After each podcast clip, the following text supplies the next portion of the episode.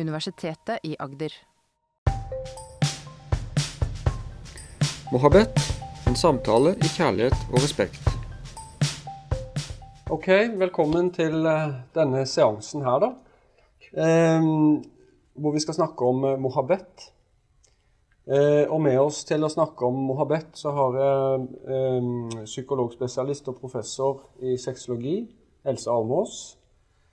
Eh, må jeg trekke pusten? Lege, familieterapeut eh, og professor i sexologi ved Universitetet i Agder, Espen Ester Pirelli Benestad. Og eh, seniorkonsulent, stemmer det, Niklas? Det stemmer det.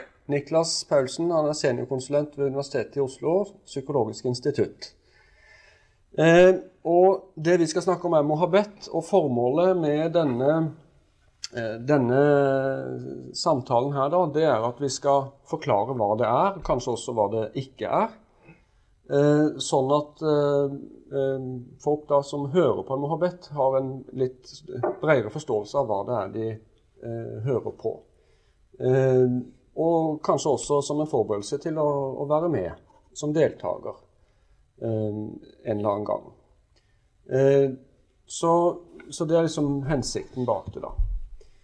Eh, men aller først så tenkte jeg, kan vi starte med eh, Espen Ester og, og, Elsa, at dere kan si noe helt konkret. Hva er mohabet?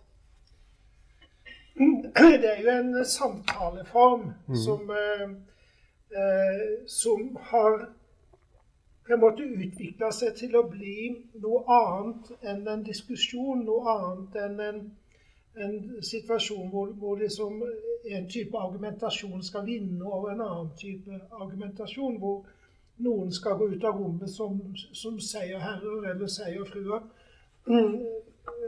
mens andre da nødvendigvis går ut av rommet som tapere.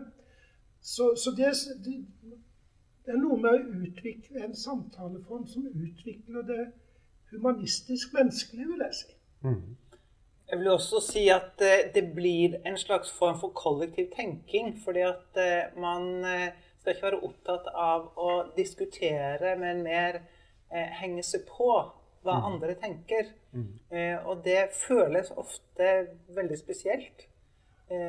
så det er, en, det er, en, veldig fin måte å snakke på. og Eh, veldig forskjellig fra det vi veldig ofte hører i radio med debatter og sånn, hvor det er om å gjøre å vinne en diskusjon. Mm. Ja. ja. det er spennende. Men kan dere si altså, hvordan sånn rent konkret da, må, skal man gjøre for å arrangere denne typen samtale? Eh, vi, vi, sier eh, maks åtte personer. Mm. Eh, og eh, da blir man enig om et tema i forkant, og det kan være ett ord. Eh, F.eks. rettferdighet. Eh, og så er det en som er leder, som vet noe om hva slags retningslinjer som skal være, og det skal vi vel si noe mer om. Og så, så, så gi, hvis jeg er leder, så gir jeg ordet til nestemann og sier hva tenker du omkring ordet rettferdighet? Mm. Så får vedkommende snakke da ikke så lenge man vil, men, men eh, vanligvis blir vel det sånn fra halvt minutt til to-tre minutter. Ja. To-tre mm. minutter eh, mm. føles lenge for de fleste, eh, mens de andre bare skal høre på. Og da er det ikke lov til å argumentere mot. Eh, man eh, kan stille spørsmål, og det eh, oppfordres det til. Sånn, sånn, at Hvis det er noe du er uenig i, eller noe du ikke forstår, så skal du spørre til du forstår hva den andre mener. Og du skal ikke være, behøve å være enig, men du skal forstå hvorfor den andre mener det vedkommende mener. Mm. På den måten så blir det jo en øvelse i empati, hvis vi tenker at empati er å kunne ta et annet menneskes perspektiv uten å tape sitt eget. Så dreier jo dette nettopp seg om å kunne ta den andres perspektiv og finne ut hvorfor mener når du det du mener. Ser du meg selv, mm. du mener. Mm. Men men bare for å ta opp sånn rent praktisk, ja. så, så, går vi jo runden fra, til hver person, som mm. da får si det de mener. Eh, og, og, vi andre kan eh, stille spørsmål. Mm. Eh, så har vi én runde sånn, eh, og så tar vi gjerne en runde til. Fordi eh, man, man, opplever ofte når man sitter og hører på folk, at en kommer på å lure ting en skal si.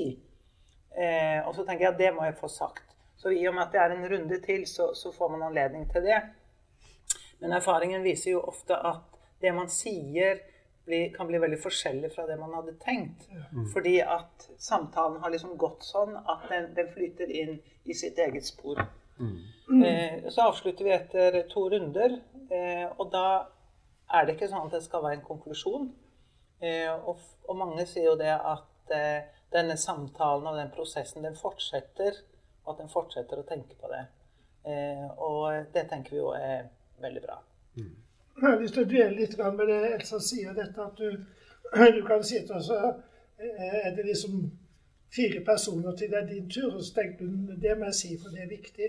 Men veldig ofte så blir på en måte det borte, for du altså, Det skjer noe med, i samspillet mellom disse før deg som gjør at du mer blir med i en, i en bevegelse enn at du eh, liksom får sagt akkurat det du vil si. Og det, hva, hva som får det til å skje nesten litt, litt mystisk. Eh, fordi det er det så mange som erfarer.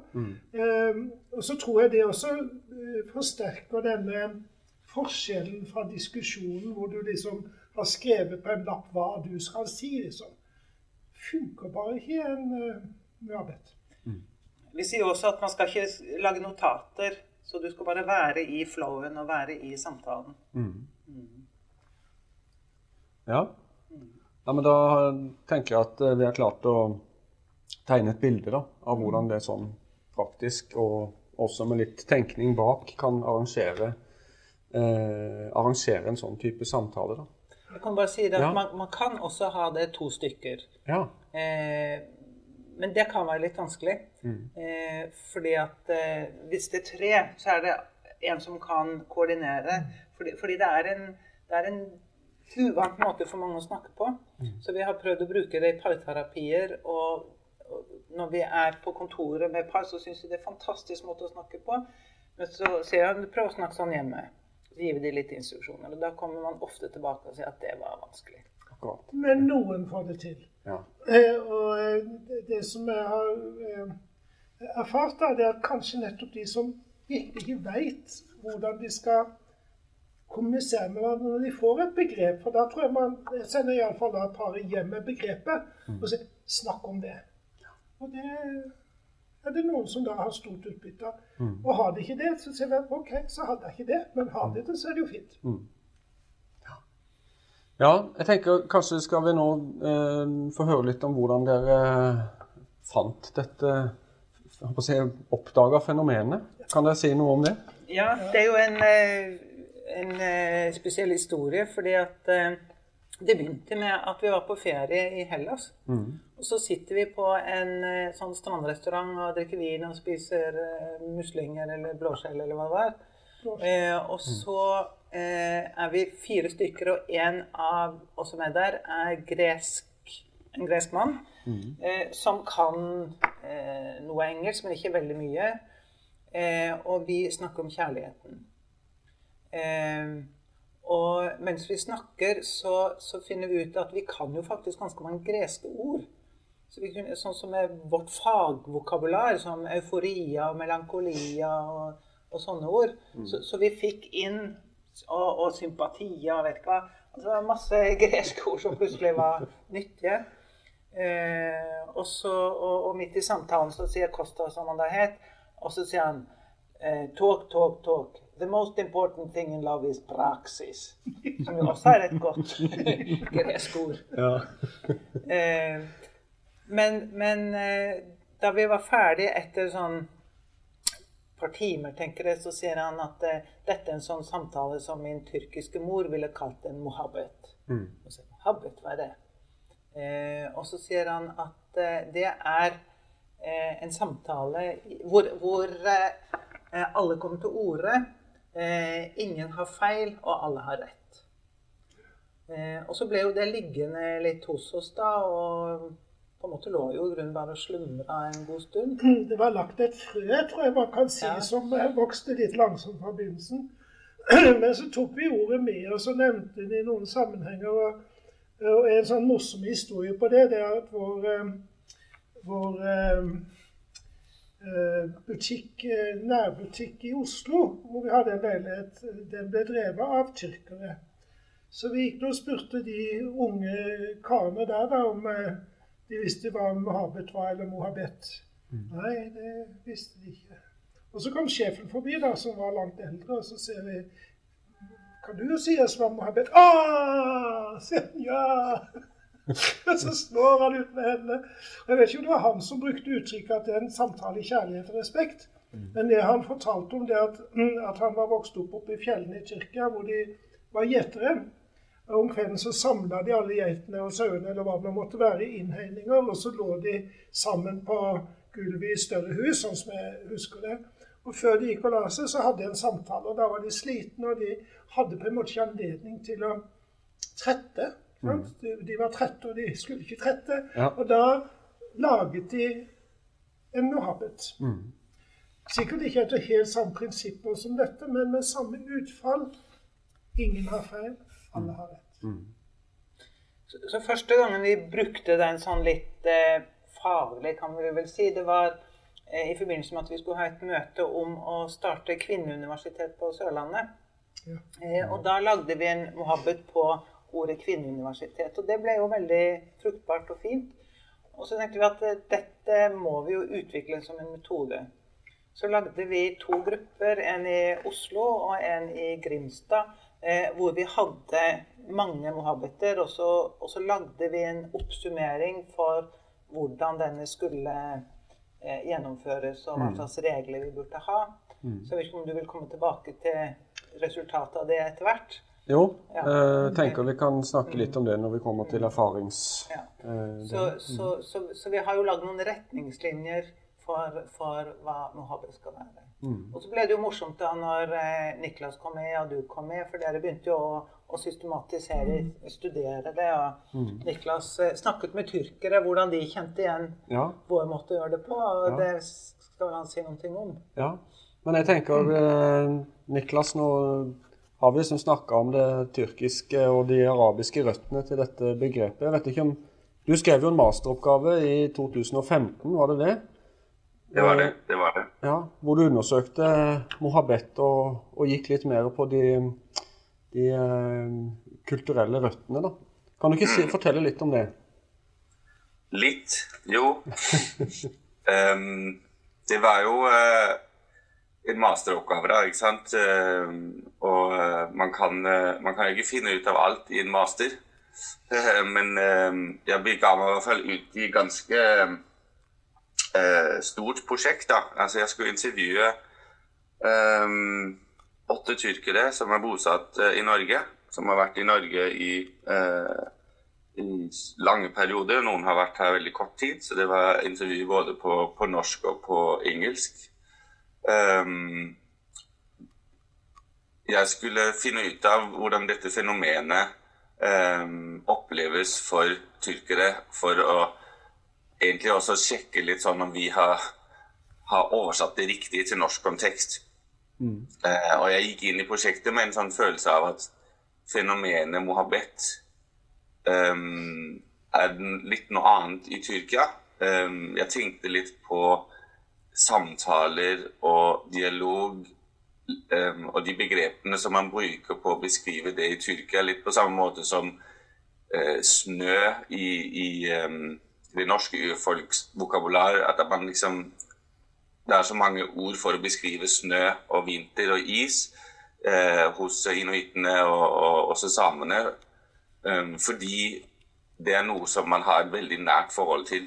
Mm. Og samtaler og relasjonelle fenomener er noe som i Tyrkia um, vil jeg si betyr mer i språket. Og det, det føler jeg også kom frem gjennom mine intervju, at det finnes andre begreper for samtale som beskriver samtaler enn mohabet. Mohabet er noe veldig spesielt. Det er noe Det er sånn som dere har vært inne på, en, en samtale i, i, kjærlighet og respekt. Um, det er det. Um, men det er så mange Det er så, mange, det er så rikt et fenomen. Mm. Uh, og alle informantene ble ekstremt ivrige når de skulle fortelle om Mohammed. Oh. De hadde så mye på hjertet, og det virka det virka som at de, de, hadde lyst til å egentlig mange av de legger ut hele sin kjærlighetshistorie til livet uh, gjennom en samtale om Mohabed, fordi det var det brakte frem så mange gode minner fra møter, mange forskjellige typer møter eh, og kontekster hvor de hadde opplevd det som de ville kalle Mohabeta. Mm. Eh, så det var veldig veldig interessant, og jeg tror den, det, det, det, mest spennende i, i min masteroppgave, hvis man sånn skal gå inn og og bare plukke ut uh, litt, så, så, hadde jeg bladd meg frem til um, der hvor jeg har valgt ut noen sitater mm. fra, fra, disse typene og, bare har gjengitt hva de forteller. Det er egentlig der mye av kraften ligger. Det er i, i, um, i selve sitatene, da. Ja. Um, ja, så, så, det er jo det er et veldig rikt fenomen, som sagt. Og, og de beskriver det litt sånn ulikt. Men um, hvis man går til side 22, så har jeg prøvd å lage en litt sånn referensiell um, beskrivelse. Uh, litt deskriptivt. Altså, hvis vi kan, uh, jeg kan jo lese høyt uh, noen sitater. Ja, gjør det.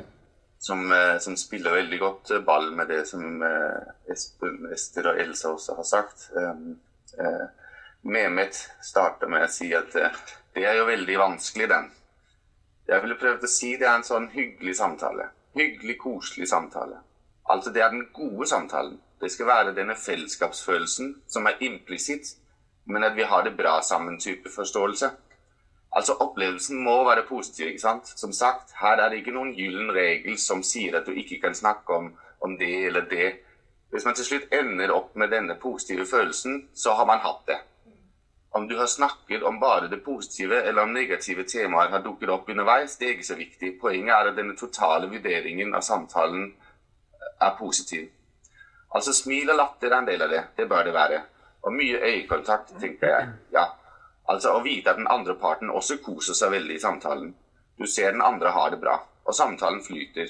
Det er gjerne liksom meningsfullt. Du får noe ut av det.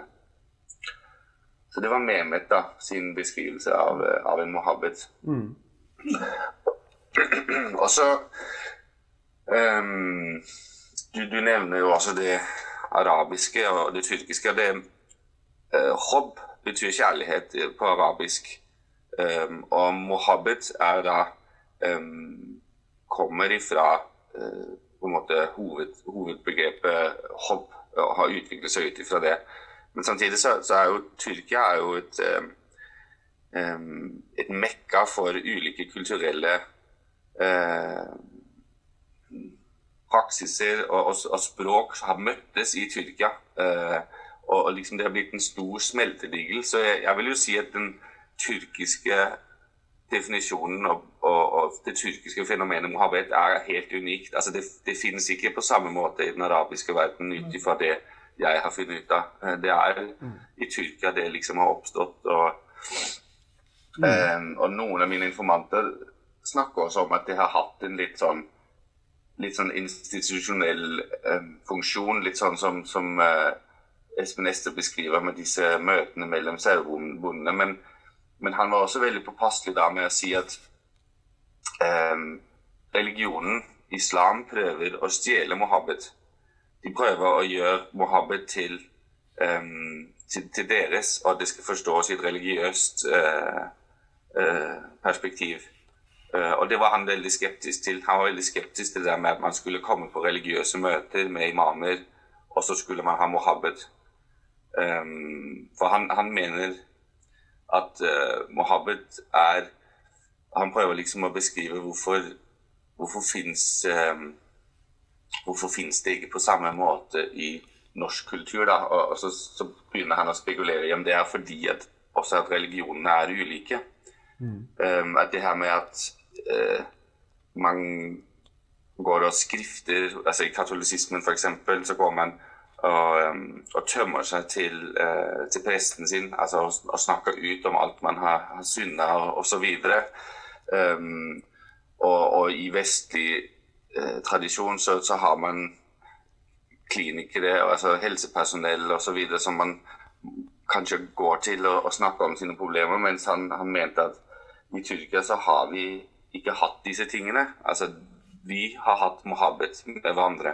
Og det er det som på en måte har Det er der vi har helbredt hverandre for livets uh, utfordringer. Så det syns jeg også var en interessant sånn uh, tanke og perspektiv på det, da. Um, jeg kan jo si masse, Kristian, om Ja, jeg, det, det hører jeg. ja, det, det, er interessant. Altså, jeg tenkte på noe av det jeg ville spørre deg om, som du for så vidt var litt inne på nå. Det var jo dette med disse tyrkerne du snakka med. altså Hvilke opplevelser hadde de av uh, det fenomenet i norsk kultur, da, eller i Norge? Det var litt det som jeg ble litt nysgjerrig på å høre om du hadde, hadde noe Ja. data på det. Mm. Um, det var litt forskjellig. Uh, vi hadde, jeg hadde en informant som hadde vært i Norge siden 60-tallet, så han var 85 år nå. Han var gift med en norsk eh, kone fra Hamar og var ekstremt glad i Norge. Og eh, han sa at han hadde aller mest mohabbet med sin kone. Og så hadde de et møtested i Oslo, eh, noen venner av han og han, hvor han også opplevde mohabbet. Og han sa at for han var det ingen problem å oversette en mohabbet til en koselig norsk kaffeprat. Det var liksom hans nærmeste oversettelse. Og, og at han mente det oppsto både i Norge og um, i Tyrkia på samme måte. At det var et universelt fenomen. Ehm, men han var også veldig glad i Norge, tenkte jeg litt sånn i etterkant. at mens, mens noen andre som hadde vært i Norge kanskje et par år, tre år, syntes nordmenn var veldig vanskelig å komme inn på, syntes at kulturen var litt sånn um, introvert, på en måte.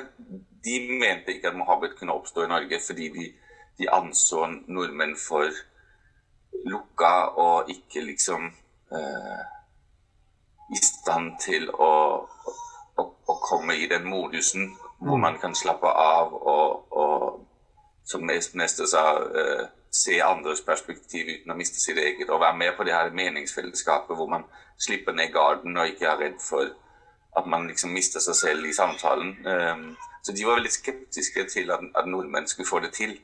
Uh, også litt skeptiske til at man skulle da planlegge seg ut av det ved å si 'kom hit og følg disse reglene, så får du en mohammed'. For de mente ikke at det kunne, at det kan planlegges. Men det har vi jo opplevd og sett at det kan man faktisk.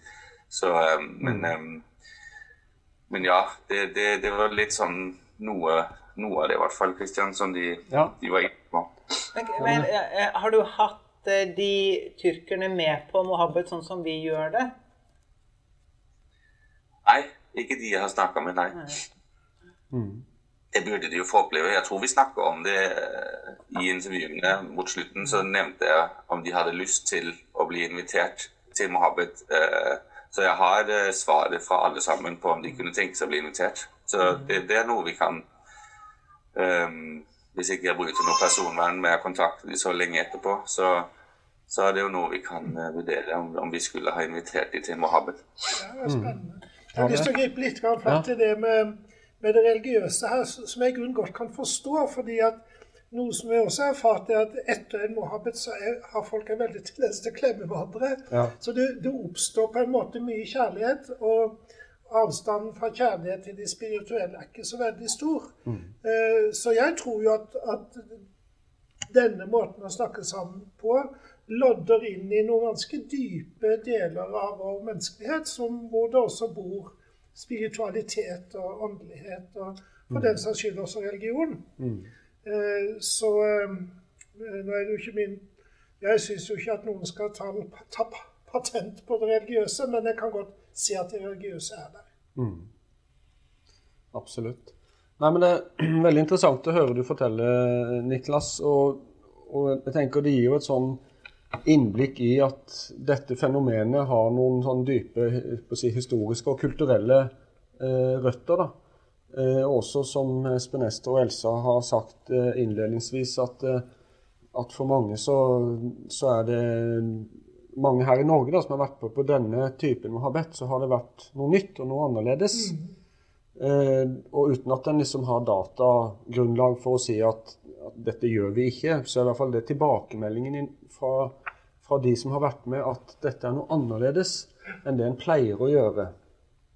Så eh, jeg lurer litt på eh, om vi skal bevege oss over på dette her med eh, med erfaringene med, med mohabet. Eh, og, og da kan jeg si at så dere, Espen Ester Elsa, dere hadde jo noen sånne utprøvingsrunder som dere forklarte i stad, hvor dere kom fram til noen kjøreregler. Tenkte du, Elsa, at vi skulle presentere de kjørereglene nå, eller Um, Eller kan vi henvise Det, står jo i, i, en artikkel som vi har gitt ut, så står det også disse kjørereglene. Jeg tenker at vi kan si litt om det. Ja. Eh, for ut ifra det som eh, Niklas sier, at de er skeptiske til om vi kan få det til, mm. så tenker jeg at det er jo ikke så mange regler i den forstand om hva vi skal gjøre, men det er mer sånn eh, råd for hva vi skal unngå for å, for å unngå en sånn tradisjonell norsk debatt. Ja. Eh, at, eh, at man ikke skal argumentere imot, man skal spørre til man forstår. Det er jo en sånn regel. Mm. At man ikke skal skrive notater, at man skal på en måte bare følge samtalen. Mm. Eh, og at man skal liksom bare ha, ha runder. Altså det kan jeg tenke på en koselig norsk kaffeprat, så, så, så, så, går dette mer spontant. Mm. Eh, det, som, det, som, jeg har fått eh, respons på mange ganger, er jo at eh, mange syns Mohabit og det med runder er veldig behagelig. fordi at de kan si at eh, jeg er aldri den som kaster meg inn i en samtale, fordi eh, jeg orker ikke den kampen med å komme til orde. Så, så, det å få ordet og det å få oppmerksomhet, det å få spørsmål, oppleves eh, veldig behagelig. Mm. Eh, for det er også sånn at det er jo en superservice at noen er interessert i hvordan tenker du Eh, og hvordan har du kommet fram til det? Eh, så, så, det er jo en veldig kjærlig oppmerksomhet mm. Eh, som, som, som blir veldig fruktbar. Mm. Kanskje nettopp fordi at de som sitter der, aldri sier noe, de får sagt noe. Mm. Så er jo, det er jo så sentralt, tror jeg, mm. at man har ett begrep. Slik at, at det, det, skjer jo en rotasjon da i selve samtalen. Mm. Men det roterer alltid om en slags akse. Mm. Eh, Elsa nevnte jo rettferdighet som en akse. Vi har hatt stil som akse, vi har hatt seksualitet som akse. Mm. Men, for det er jo litt til forskjell fra, fra kaffepraten. Mm. Det at du har et, et, eh, et slags fiksert punkt, da. Ja. Som, som, er eh, ordet eller begrepet du skal presse rundt. Så jeg tror også det bidrar ganske mye til å at man blir så samlet mm. som gruppe også. Da. Ja. Altså, når jeg har invitert i Mohabet, så, så, har jo alltid begrepet vært ukjent helt fram til vi, ja. vi møtes. Eh, og det er klart mange er nysgjerrig på det temaet da, som skal være i fokus når de vet at de skal. Eh, men jeg tenker at noe av poenget er jo nettopp at det er det spontane. Eh, men så har jeg lurt på hvilken betydning har valg av tema, tenker dere? Altså hvordan, hvordan velger man tema? Jeg tenker at jeg har ikke peiling. Nei. Det er jo kjempeinteressant. Jeg syns vi skal ta et mohabet på å ikke ha peiling. Ja. Fordi, fordi det, det, det, kan jo oppstå helt spontant. Altså vi, vi sier hva, hva, er vi interessert i her? Så vi var jo på tur i India med en vennegruppe, og da var vi vel åtte stykker, seks-åtte stykker. Og så sitter vi og spiser middag ved bassengkanten eh, langt ute på en sletteland med Det var noe skog eller jungel rundt der. Eh, og vi hørte panterne brøle ikke så langt unna og sånn. Og, og så, så, ble vi enige om at vi skulle ha en mohabet. Vi har vel snakket om det. Eh, og, og, det temaet som kom opp, det var religion. Mm. Og da var det én prest, og så var det vel ganske mange som ikke var spesielt troende. Eh, men, men, da snakka vi om religion der. Og, og, eh, da vi var ferdige, så var jeg tror alle var blitt religiøse. det det var veldig, men det var veldig sånn magisk stemning. Ja. ja. og, og, kanskje var temaet og settingen De forsterka hverandre på en måte. Så vi Mm. følte oss trygge, vi følte oss ivaretatt. Vi følte at det å være en del av gruppen var veldig fint. Mm. Eh, så, så, og, så, og, så, kjente vi jo på den, på måte den fine stemningen.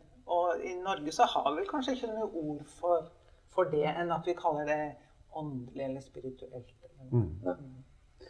Vil du Nei. si noe, Niklas? Jeg prøver også å se litt på det uh, i min uh, oppgave. Sånn, uh, hvordan kan man sammenligne det eller sette det inn i en vestlig forstand rundt eh, og plassere det innenfor for dialog, altså de ulike dialogtypene som, som kan beskrives. Eh, Helge Svare har skrevet en, en, fin bok eh, om, om dialogbegrepet og, og hvilke ulike typer dialogmetoder som er utviklet for ulike formål.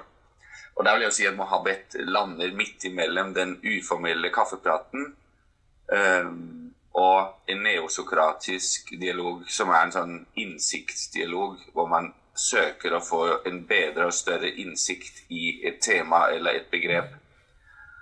Eh, og neosokratisk eh, eh, Det kommer jo da fra Sokrates, og de, hovedformålet og med det er at en tanke om at alle mennesker har, er i stand til å forstå det aller mest komplekse. Det er Uansett klasse og stand og hvor du kommer fra i samfunnet, så har du den kapasiteten i deg til å lære noe veldig komplekst. Eh, Men for å lære det, så må du stille de riktige spørsmålene, og da må du ofte ha en, en filosofisk veileder. Altså du må ha en, en leder i samtalen som kan geleide deg på vei, da. Um, og det har vi jo ikke i Mohabet, eller det prøver vi å fjerne så mye som mulig. I hvert fall den her ledelsen. Alle skal være like. Sånn at, eh, og Derfor så, så havner Mohabet midt imellom, da, fordi man tar bort ledelsen men, øh, og gjør det litt mer uformelt, kaffeprataktig, men samtidig så har man også litt grann ledelse og formål med samtalen. Altså, men vi sier jo før vi begynner at dette er en samtale i kjærlighet og respekt da, da blir det veldig vanskelig tror jeg, for en deltaker å ikke snakke ut fra kjærlighet og respekt. Eller, eller vi setter en ramme da, som, som um, Ja, så det, det, det tenker jeg eh, kan være en, en måte å, for, å beskrive Mohabet på. Da. Så det blir helt unikt, egentlig, mm. tenker jeg, i norsk kontekst, eh, den dialogformen som dere har utvikla, eh, Elsa Espenester og, og Christian. Og Niklas. Og Og Niklas. Ja. Og Niklas. Jeg jeg bare tenkte å si- lyst til å si at den skal vi si, svake, litt uformelle ledelsen som jo foreligger, det er jo at man sier at Nei, men nå argumenterer du imot. Det, det kan den som leder si at nå argumenterer du imot, eller nå snakker du om dine egne ting, så der må du vente til det er din tur. Det er liksom de to kommentarene som jeg syns går igjen, hvis det i det hele tatt trengs å si noe som helst. Ja, for le lederen av Mohabet er den som på en måte rammer det inn, Ja. og som sørger for at prinsippene som du beskrev i stad, Elsa, overholdes underveis. da. Ja. Sånn at ikke det sklir ut. Ja, Bare fortelle en historie, for vi hadde en gang en eh, mohabit i Grimstad hvor vi hadde med en eh, eh, advokat. Mm. Eh, og advokaten var veldig vanskelig å få til å følge på en måte flyten. Eh, han hadde hele tiden noen synspunkter han skulle få fram. Han, hadde, han argumenterte og liksom kom tilbake til sine ting hele tiden. Eh, altså Det fungerte jo på et vis, men, men, men det var helt tydelig at for han var det veldig vanskelig. Eh, og så skulle han kjøre hjem, og den turen tok vel to timer. Etter halvannen time så ringte han og sa Nå skjønner jeg! Søren òg! Det var flott. Ja. Ja, nei, men øh, og det, ble er så mange spennende ting. Jeg vet liksom ikke helt hva jeg skal gripe fatt i. Men altså, for jeg har, sånn i forhold til det med tema da, som jeg spurte om, så har jeg jo så grubla litt på det. og Det er sikkert derfor det havna på papiret som et spørsmål. Eh, for, for jeg har hele tiden tenkt at det er fint med noen temaer som er litt lada på et vis. Eh, men så har jeg jo prøvd eh, temaer som ikke jeg tenker på som lada. Altså som, er, som en omgås i dagliglivet, og som kanskje er litt faglige begreper også, som, som vi bruker med største selvfølgelighet. Og så er det så ufattelig spennende å ha en mohabet rundt et begrep som Har du et eksempel? Ja, så vi hadde f.eks. begrep Nei, mohabet om eh, begrepet forståelse en gang. Og da husker jeg det var en av altså jeg husker Vi hadde det også et annet alternativ. Eh, og så var det en av de som var med som fortalte etterpå at, eh, at han håpte at ikke det ble det, for det var liksom det minst interessante. Men etterpå så hadde han snudd fullstendig om, at ja, det var jo så utrolig givende å ha mohabet om det begrepet. Så jeg har liksom tenkt det at ja, men eh, eh, det, det kan eh, Nei, jeg vet heller ikke helt hva det er som styrer valget av tema. Og så har jeg liksom fortalt om det til en da, eh, her forrige dagen, faktisk. Eh, at jeg hadde tenkt det skulle være lada, og så hadde jeg liksom tenkt at det skulle være litt sånn vanskelig definerbart på et vis. Men, men idet jeg begynte å lage regler osv. for hva, hvordan jeg skulle finne begrepene, så fant jeg ikke noen. Nei, nei, nei. altså, så, så det er et eller annet eh, det, det gir seg selv på et vis når man eh, Ja. Vi hadde jo stil, som jo ikke er spesielt ladet, men det ble jo kjempespennende å ha møtt ut av det, da. Mm. Vi har jo prøvd å, å eh, ta veldig kjedelige begreper og ofte opplevd at det, det blir spennende. Ja. Så vi hadde en gang Det var når vi hadde en gruppe som skulle teste ut forskjellige måter å gjøre det på. og Så hadde vi seksuell lavalder og tenkte det, ja. det ble superspennende. Ja, Så, så det er vel noe med at vi går i dybden på ting og henter ting fram fra forskjellige kamre som, som gjør at det blir mer nyansert enn en, vi ellers ville kunne snakke om det. Jeg sitter og tenker på hvis vi hadde mohabbet på vann, ja. som jo høres veldig enkelt ut i utgangspunktet, så jeg er svært sikker på at det vil bli en veldig dypsindig og interessant. Det tror jeg òg. Ja. Det Ja. Hvis jeg kan få lov å, å også bryte litt inn der. Jeg tenker også at det, det kan eh, Akkurat den diskusjonen om hvilke tema som passer seg, kan, eh, kan kanskje også uh, Man henter litt ut ifra det jeg sa i stad, med neosokratisk uh, eller uformell kaffeprat-dialog. fordi sånn som jeg opplever det, så er jo formålet med mohabet å skape fellesskap. Liksom, vi skaper um, et lite kollektiv som har eh, sammenvevde perspektiver. At man vever inn i hverandre. Sånn at når man går ut av samtalen, så føler man en nærhet til de man har snakka med. Og det er jo litt den terapeutiske effekten også, at, at man, man kjenner at man hører til, og at man har det godt. Um, og, og da er jo egentlig temaet litt irrelevant.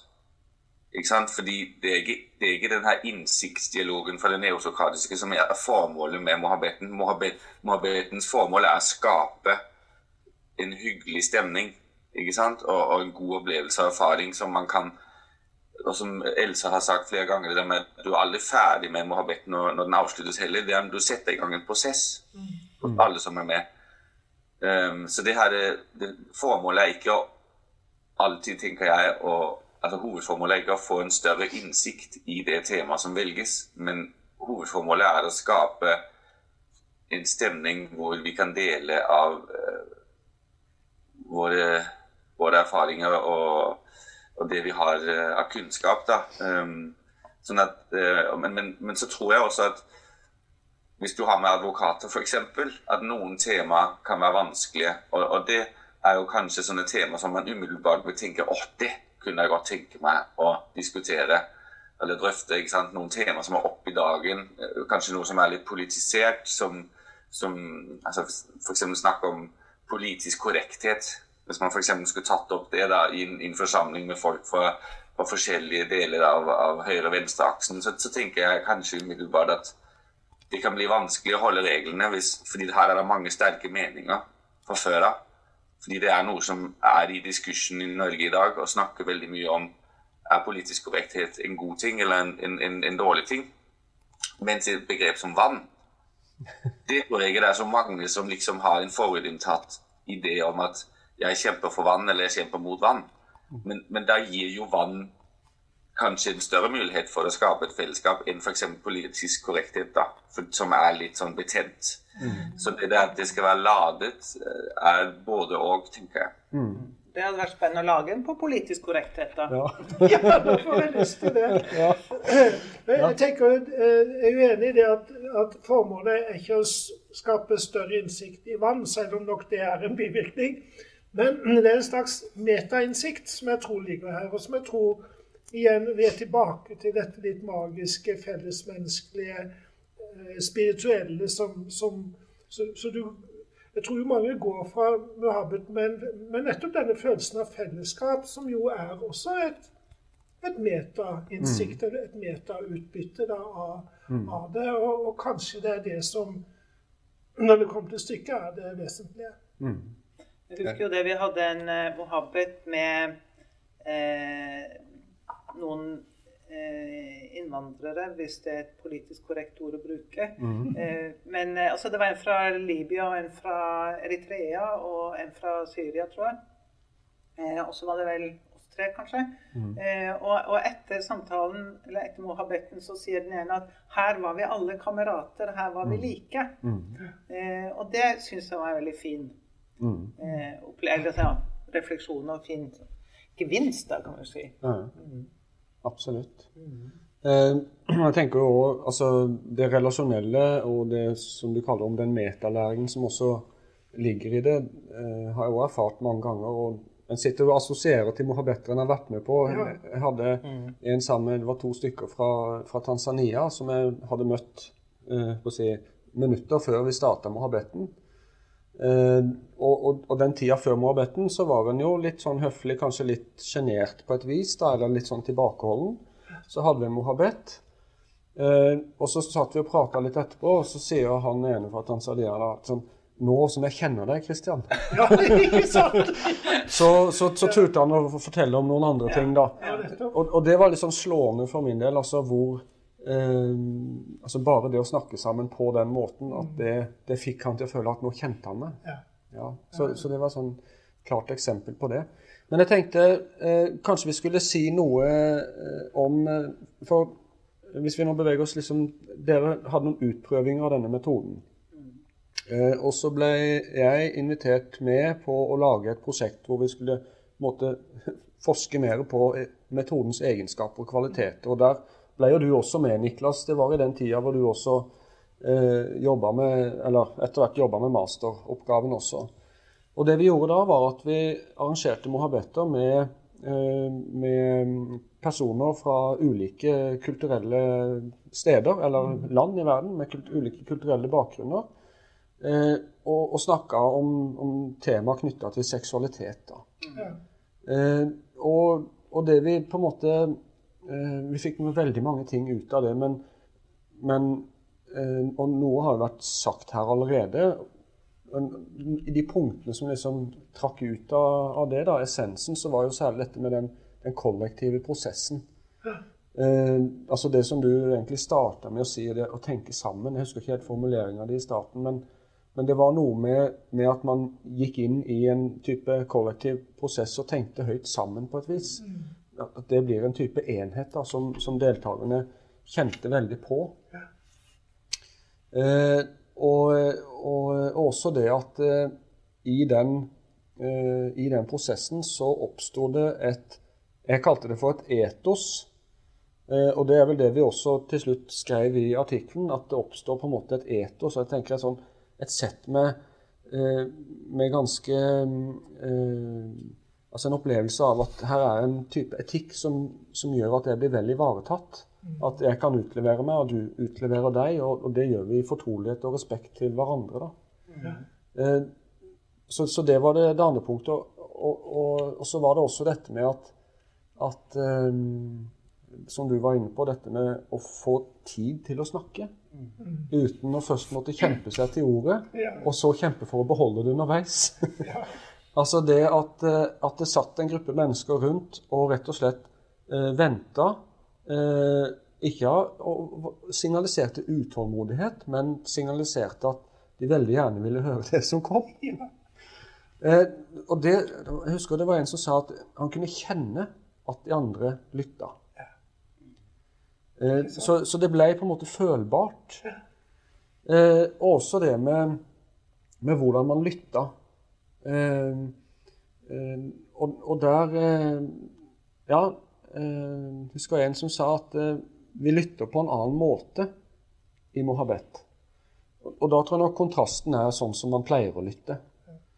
Eh, og da kom det også fram liksom dette at man eh, man oppdager altså Gjennom den måten å lytte på, så, så, så opplever man gjenkjennelse. Eh, Som har med tilhørighet å gjøre igjen. Nemlig. Men så oppdager man også at det bor mye mer i de andre menneskene enn det man trodde. Og, og det syns jeg jo er noe av også det som gjør det så veldig spennende, fordi eh, Fordi at altså, jeg tenker Hvis man virkelig lytter, så er man også åpen for å høre ting som man ikke hadde tenkt på forhånd. Eh, og det tror jeg er noe av det man kan klare å få til der. Og da oppdager man nye ting sammen. Eh, så der ligger også noe av magien, da, tenker jeg. At man skaper en setting hvor man får til alle disse tingene samtidig. Og, og det var også noe av, av, av en, ja, et, også et punkt at denne måten å snakke sammen var annerledes enn det eh, de var vant til i, i den norske kulturen. da. Eh, ja. Vi, vi kan vel også si at, eh, at vi har gjort dette med publikum. Eh, Vi har gjort det med studentgruppen vår. Jeg har gjort det foran eh, et fullt auditorium. ja. Og det er morsomt å liksom, å få noen til å være med. Ikke alltid så lett. ikke sant? Du Nei. må jo nærmest tvinge folk til å opptre. Og så har vi liksom fått samla en gruppe på åtte da, eh, og hatt et eller annet tema, og resten har, har bare sittet og lytta til dette. Og så kom det etterpå og sier jeg er så lei for at jeg ikke meldte meg frivillig, for Ja. dette var veldig spennende. Ja. Så, så, så lytteopplevelsen uten deltakelse for øvrig, jeg syns også det er eh, en Mm. ting man kan bruke den Ja. og ha bedt den til. Og jeg vet ikke, Vil du si noe, Niklas? Ja, for nå er vi på fortsatt hva man kan bruke en samtale, vi må ha bedt samtale til. Ja, vi flyter litt mellom de punktene på, på det siste Ja, men Det er skjemaet. veldig men, eh, interessant og bra, Kristian. Christian, og det er fint å ha de punktene å se litt til. Um, um, Jeg kom bare til å tenke på uh, når jeg skulle da analysere disse intervjuene jeg hadde med norsk-tyrkere. Og da skal det jo sies at de har jo ikke opplevd vår Mohabet-type De har opplevd sin egen Mohabed fra sin egen kultur. Um, sånn at eh, de, de vil jo, hva skal man si, hente fra et helt annet erfaringsgrunnlag enn det vi gjør. For vi, Når vi tenker Mohabed-samtale, så tenker vi tilbake på alle de flotte opplevelsene vi har hatt eh, her i Norge, med, hvor vi har brukt eh, den strukturen vi har laget. Mens de, de snakker jo om eh, store, viktige begivenheter i sine liv. Blant annet så eh, beskriver han som har vært i Norge siden 60-tallet, at han, han dro fra Tyrkia eh, med akkurat penger nok til å komme seg til Norge. Og han skulle ta toget, og han skulle ta toget gjennom hele Europa eh, og komme til Tyskland. Og da var han plassert i den bakerste vogna, for da var det sånn at vognene var eh, prisklasser, eh, og de bakerste vognene hadde ikke noe panelovn, så det var iskaldt, og han har ingen penger og ingen mat. Så kommer det en, en dansk kvinne gående gjennom vogna og ser han sitte der og hytrer og ser kanskje de bedende øynene hans og, og, og, og spør om ikke han vil bli med opp i, i vogna deres. Uh, og så blir han med opp i en varm vogn hvor det serveres mat, og han sitter sammen med en dansk familie og sier da sjøl at han har mohabbet. Og de hadde heller ingen ord, uh, på en måte felles uh, språk. Så det han gjorde, var at han, han eh, ånda på vinduet og tegna tegninger på vinduet i toget Ja. for å, for å gi eh, For å kunne kommunisere eh, med, med, med symboler. Og Jeg syns det var en så vakker en historie. Og det var en sånn Det var det jeg kaller i, i oppgaven en sånn eh, en dyp og intim samtale. Har bedt som en dyp og intim samtale som, som virkelig eh, ja, gir tilhørighet og, og, og mening. Um, også den andre er jo en, en, å ta en kaffe som et metonym da, for Mohammed. Altså en, eh, hvor, hvor det også er Det er jo veldig viktig, disse kaffepratene våre. Altså Det er jo noe av limet, tenker jeg, i, inn, i det sosiale. Hvor man stopper opp. Og en kaffeprat i Norge kan jo vare fra ti minutter til to timer. Det vet man aldri når man setter i gang. og, og så, så kaffepraten skal ikke undervurderes, eh, tenker jeg da. Um, men, men, jeg tenker både den dype og intime og, og kaffepraten eh, har jo det Altså, det, det, det fører til at, at man eh, at man føler seg sett og, og, og, og kjenner på tilhørighet. Eh, Ja. Og da, og da er det jo hvis man da skal se på liksom, okay, hva kan Mohabed brukes til Egentlig så kan Mohabed brukes til veldig mye. Og, jeg tror egentlig man kan tenke litt på mohabet på samme måte som dialog. Altså Dialogbegrepet er jo noe som man også må kjempe for, tenker jeg, da, i, i uh, spesielt vestlig kultur, hvor, hvor, det er så mye diskusjon og debatt. Um, fordi uh, dialogbegrepet er jo litt samme. ikke sant? Og da, da kan man jo snakke om megling, f.eks. At det kan brukes til megling, hvor, hvor, to parter har en ulik opplevelse av noe, men, men må tvinges til å ta hverandres perspektiv. Um, og ja. Mm. Ja, jeg tror det er det. Ja, ja det, er, det, er, interessant å se, for jeg har også tenkt på det. altså Hva, hva kan man bruke mohabet til? Eh, og, og, jeg har jo min egen vri på det nå, da, i forbindelse med at jeg også spiller inn flere mohabetter i en, i en serie hvor jeg liksom tenker at, eh, at mohabet kan brukes egentlig til eh, å, å skal si, revitalisere, puste liv i, i ord og begreper som vi bruker og, og slenger om oss med i, i faglige og, og, mindre faglige sammenhenger. Eh, nettopp fordi jeg tenker at eh, Eh, at eh, det bor så mye interessant, da. Eh, ikke bare i begrepene, men i, i menneskene som bruker de. For det og det altså, Ord og språk er jo et, et sosialt fenomen, sånn som jeg tenker på det. Så, så, så, i den forstand så tenker jeg at det, det kan brukes også til, til det. da. Det synes jeg jo, Nå snakka vi litt om, om formålet i stad. At, at, at det kanskje først og fremst er det med å skape et slags metalæring, tilhørighet, eller et metaperspektiv. Eh, men jeg tenker også at eh, du verden så lærerikt ja. Om, om fenomenene. Ja. Mm. Så, så, så, det har litt liksom vært min vri på det nå, da. Så får vi jo heller gjøre opp status etter hvert og se um, Og se um, ja, um, hva det fører til. Du, ja hadde du? Ja, nei, det var for så vidt eh, eh, Det var ikke for å avbryte det. Eh, men bare koble på, på fordi at eh, du snakker om at vi brukte det mye for til seksualitet, og at ja. vi brukte folk fra ulike deler av verden. Mm. Eh, og vi har jo gjort også mohabetten i ulike deler av verden. Mm. Og, og, tenker at det er ganske fruktbar metode for å utvikle forståelse av seksualitet, seksuell normal, nei, moral, normer, regler mm. for eh, kommunikasjon. Mm. Eh, Metoo, f.eks. Altså hvordan, hvordan, oppfører man seg, hva som er eh, seksuell folkeskikk. Mm. Eh, sånn at altså da vi, da vi, begynte, var vi opptatt av at det ble en sånn forestilling om at eh, innvandrere voldtok norske kvinner. Mm.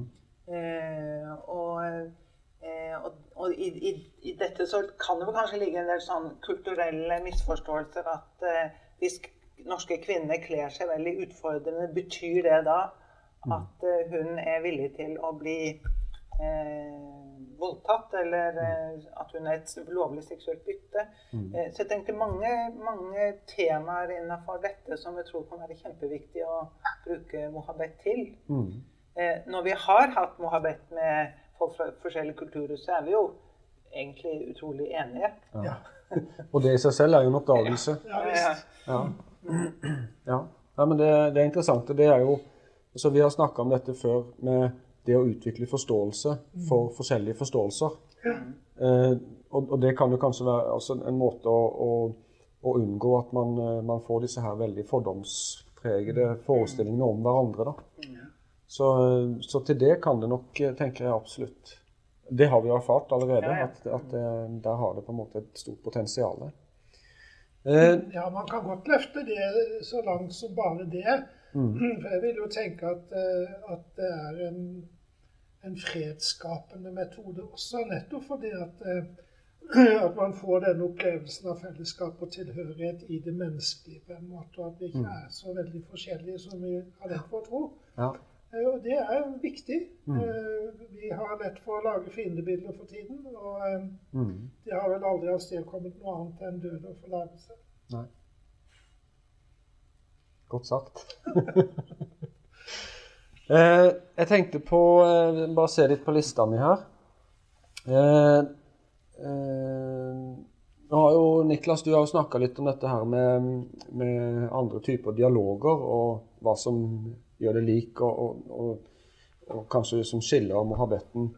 Eh, men jeg har også tenkt på det som en type dialog, da. Eh, men er det noen andre ting dere vil si sånn i tilknytning til det? Altså Hva er det som gjør Mohabet-samtalen unik fra andre typer eh, samtalemetoder? Jeg tror jo kanskje det er eh, det at man overrasker seg selv mm. med å tenke tanker man ikke visste at man hadde, eller som, kanskje ikke, som man kanskje ikke engang hadde, før man kobla seg på andre sine tanker. Mm. Mm. Ja. Jeg kjenner meg veldig igjen i det. ja. Ja, det er godt beskrevet. Mm. Um, jeg tenker noe sånn Ikke bare dialog, men også den her bølgen av mindfulness og altså oppmerksomt nærvær, som vi skal øve oss på alle sammen. Uh,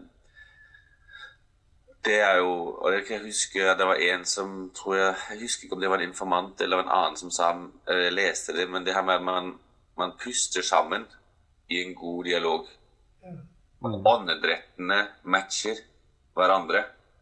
Fordi man, man, blir så samstemte at du behøver ikke snakke på inn- og utpust for å få frem budskapet ditt. Og, det er jo Man bruker pust veldig mye i mindfulness eh, og, og, meditasjon. Sånn at eh, kanskje det også kan være med å gi litt forståelse for hva, hva, hva, hva som skjer i, en mohabet. At mm. man faktisk begynner å puste litt sammen. Mm. Eh, og det er en sånn Eh, par, par-yoga, eller hva skal man kalle det, man gjør eh, bare gjennom samtaler, ikke gjennom å bevege kroppen.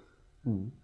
Ja, Det er egentlig interessant du nevner det. Jeg leste akkurat en liten artikkel som sammen, eller, setter mindfulness i sammenheng med dialog. Ja, ja. Dialogen. Mm. Og når jeg tenker på det, det prosjektet vi hadde, så, så, er det også en tilbakemelding fra de som deltar, at de opplever en intens Eh, men avslappa på en måte seanse. Som jo er motsetninger, men jeg tenker det sier også noe med at man um, ja, Litt som en sånn type meditasjon, da, for det, det er liksom veldig avslappende på en måte. Samtidig så er det jo en, en ganske konsentrert øvelse. Ja, visst. Ja, visst. Så, så, der er det en, en helt klar parallell. Og, um, jeg tenker jo at, at det at vi, vi ja, koble oss på hverandre, om det er gjennom pust eller stemning eller andre mellommenneskelige mekanismer, det, det vet jeg ikke. Men, men, å tenke oss sammen på en eller annen måte, det, jeg tror der ligger uh, noe av, kruttet. da. Mm. Jeg sitter også i fortsettelsen av det du sier, at, at, man gjør ting sammen. Og tilhørighet er jo nevnt veldig mange ganger nå. Mm. Eh, og eh, det fins jo forskning på tilhørighetsfenomenet som, som er et grunnleggende menneskelig behov. Mm. Så, så, eh, så, det blir jo nesten sånn underliggende ting at, at den inspirerer til å skape noe som vi alle har bruk for. Mm. Og som vi alle, for Hvis du ikke får tilfredsstilt det grunnleggende behov, så blir du klein. Mm. Og, hvis du får, og da betyr det også at du vil gjerne kjempe litt for å få det til. Mm. Og dette er et, absolutt vil jeg si, et redskap til å få det til. Mm. Eh, og om man går ut av Muhabeten eller Muhabeten med en slags felles menneskelighet mm. i kroppen. Mm. Det er òg godt sagt. Jeg har et spørsmål her. Sånn, hva sitter man igjen med etter å ha deltatt? Og da, du svarer jo egentlig på, på, det, da. um, uh, ja, jeg ser på lista mi om det er ting vi Uh, altså, en ting som jeg tenkte på, som det du nevnte i stad, det med at den har gjort Mohabet på scenen, altså mm. foran uh, et publikum. Uh, har dere noe Kan jeg si noe mer? Jeg vet ikke om du har vært med på det, Niklas, men, men kan dere si noe mer om hva sier publikum om den opplevelsen av å høre på? De sier at de opplever at de er med i mohabbeten. Så jeg tenker at en mohabbet er i veldig stor grad en lytteropplevelse. Mm. Eh, og en indre prosess. Så jeg har vært overraska når vi har hatt eh, publikum, at eh, de har sagt at de har hatt veldig utbytte av det. For ofte så er det jo sånn at vi har lyst til å høre vår egen stemme.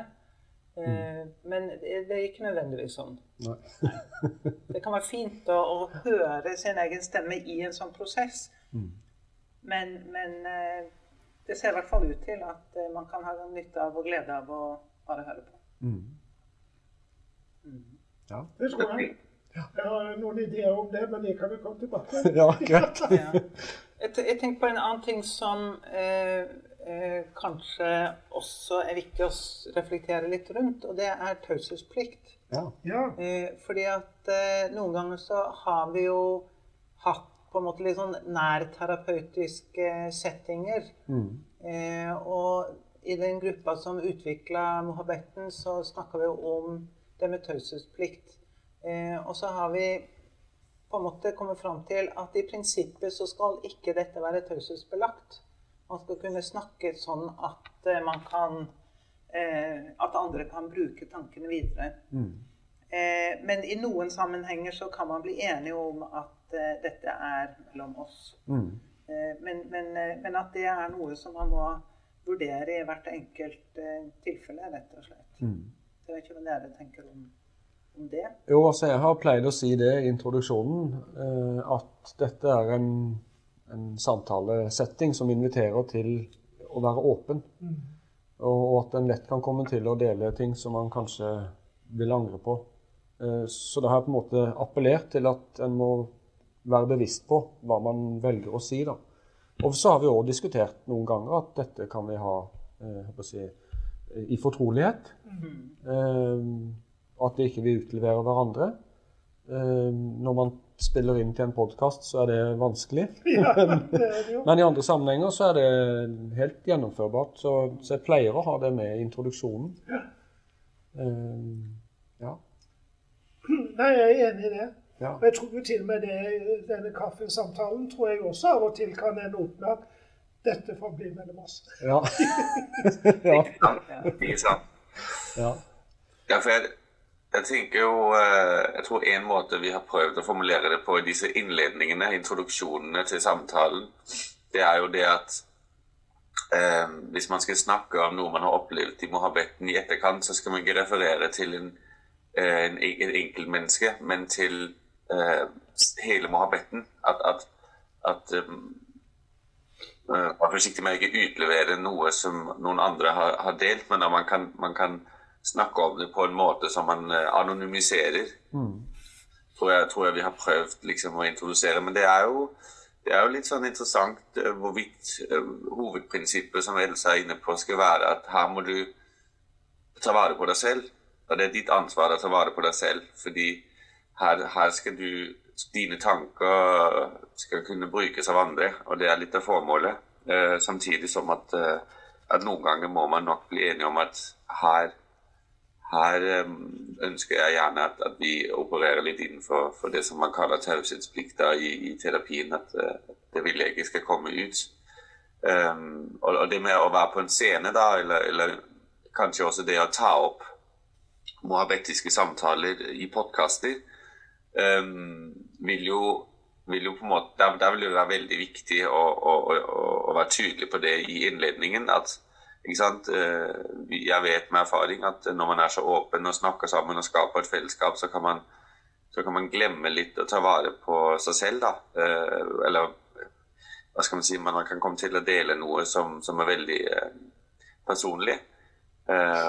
Så, så her, må, her må deltakerne og og det, det er vi jo flinke til å, å kjenne på den, de hvor går grensene. Og kanskje noen grenser blir flytta litt, og kanskje det er bra for, for de som er med også, å flytte litt grenser for hva man tør å dele og ikke tør å dele. Så, men det er en interessant, uh, interessant diskusjon, egentlig. ja. Hvorvidt vi skal ha fokus på taushetsplikt eller ikke. Eh, Jeg tenker jo at uh, et tema som man kanskje kunne utfolke mohabet i sted, jo dette med å stole på. Fordi at eh, når folk snakker om at jeg kan ikke stole på han, eller kan ikke stole på vedkommende, så, så, så, så betyr det ofte at eh, den personen sier noe, avslører noe som, en, som ble sagt i fortrolighet. Og at det, at det ligger en sånn grunnleggende etos, kaller du det kanskje, i, i eh, vår kultur at eh, det som er sagt i fortrolighet, det skal du ikke si til noen. Mm. Eh, så, så eh, jeg har ikke sett noe som veldig skrevet om det. Nei. Men, men det, det opplever jeg at folk kan ha veldig sterke meninger om. Mm. Ja, det er interessant. Har noen av dere opplevd at det har kommet tilbakemeldinger på den måten at, eh, at liksom ting ble snakka om, og det var ubehagelig for, for noen? Nei, altså eh, Som eh, jeg tror også trakk fram i den eh, artikkelen vår, at det var egentlig bare positive tilbakemeldinger. Eh, det eneste som kom fram, det var Altså, folk blir jo bedt om å ta stilling til hva de ønsker å dele, passe på seg selv. Men som deltaker så kan man ikke velge bort andres sterke fortellinger som de har valgt å dele. Sånn at eh, det var på en måte det eneste som kom fram at ja, der har vi på en måte ikke noe sånn eh, valgmuligheter for deltakerne. Sånn at hvis jeg sitter i en mohabet og velger å dele noe sterkt og noe personlig, så, så kan ikke de andre deltakerne reservere seg fra å høre på. Nei, nei ikke? Ja. Så, så, men, men ellers så har jeg egentlig mm, aldri Altså, jeg har opplevd at det har kommet veldig nære, personlige, sterke ting ja. fram. Ja. Men jeg har aldri opplevd at eh, noen kom og sa at de angra på det etterpå. Tvert imot. Ja, det er også min erfaring, så Ja. det, jeg syns det var spennende å høre. Men eh, dere, jeg lurer på om, eh, om vi skal gå litt inn for landing nå i forhold til denne, denne seansen her. Og nå er jo dette en, eh, en samtale hvor vi forteller om mohabet og hva det er for noe, erfaringer. Nå har vi snakka fram og tilbake om veldig mange forskjellige ting. Men det skal også fungere som en sånn type introduksjonspodkast til å høre på eh, mohabet-samtaler i en podkastserie. Så ja, jeg lurer på om vi kan ta en sånn eh, sånn runde om dere har noen sånn anbefalinger eller tips til folk som skal lytte på en mohabet. Altså, hva, hva, hva kan de gjøre eller tenke for å få maks ut av det? da? Ja, det er jo det som er blitt sagt, at, Ja. eh, at man lytter for å forstå hva den andre mener eller tenker, og hvorfor den andre mener og tenker det du hører. Mm. Jeg syns det er så helt grunnleggende i det. og Hvis du går inn i en, en, et samspill med andre med den måten å lytte på, som sier, den sier jo egentlig at 'jeg er veldig nysgjerrig på hvem du er', sant? så, så, har du, så har du liksom det grunnlaget. Ja. Og jeg, jeg, tror, ehm, jeg tror det blir en stor suksess, ja, Kristian. Det skal jeg ta med og så, og så ha helt i starten. Nei, men eh, jeg tror virkelig folk kan få masse ut av å høre på Mohabetter. Ehm, fordi når du setter deg ned og lytter til noen mennesker som eh, snakker så åpent og inderlig og kunnskapsrikt om, om et tema, så er det noe helt nytt du kommer til å oppleve. Det, det, er, ikke, det er ikke ofte du uh, hører på det i, i si, den kul kulturproduksjonen vi har uh, i Norge, hvor uh, veldig mye er basert på å levere one-linere, og veldig mye er basert på at det skal gå en seierkvinne eller en seierherre, som, som Espen Ester så fint sa det innledningsvis, ut av rommet etterpå. Her er ikke det formålet. sånn at det er bare å sette seg ned med en eh, kaffe eller et eller annet godt eh, og sette seg godt tilbake i stolen og, og, eh, og lytte og øke forståelsen sin eh, om et eller annet eh, tema som tas opp. Det, det, jeg tror virkelig at folk kan ha mye av det. og eh, Jeg nevnte det for deg, Kristian, også på telefonen, at jeg har begynt å lytte til en podkast sjøl som, som jeg vil egentlig si er litt sånn mohabetisk. Eh, hvor eh, det er en, en amerikaner da, som inviterer inn eh, gjester, og så sitter de og snakker i tre timer.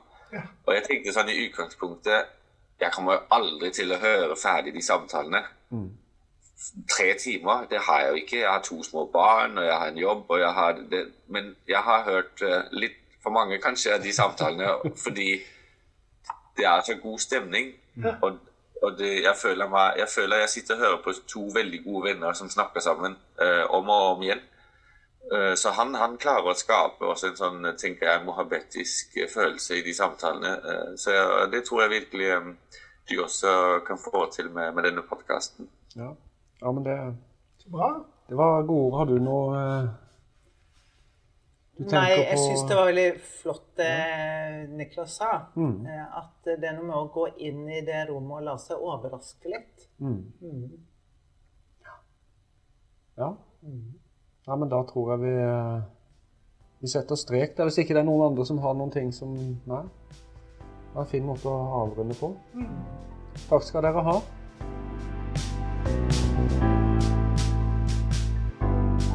Mohabet, en samtale i kjærlighet og respekt. Universitetet i Agder.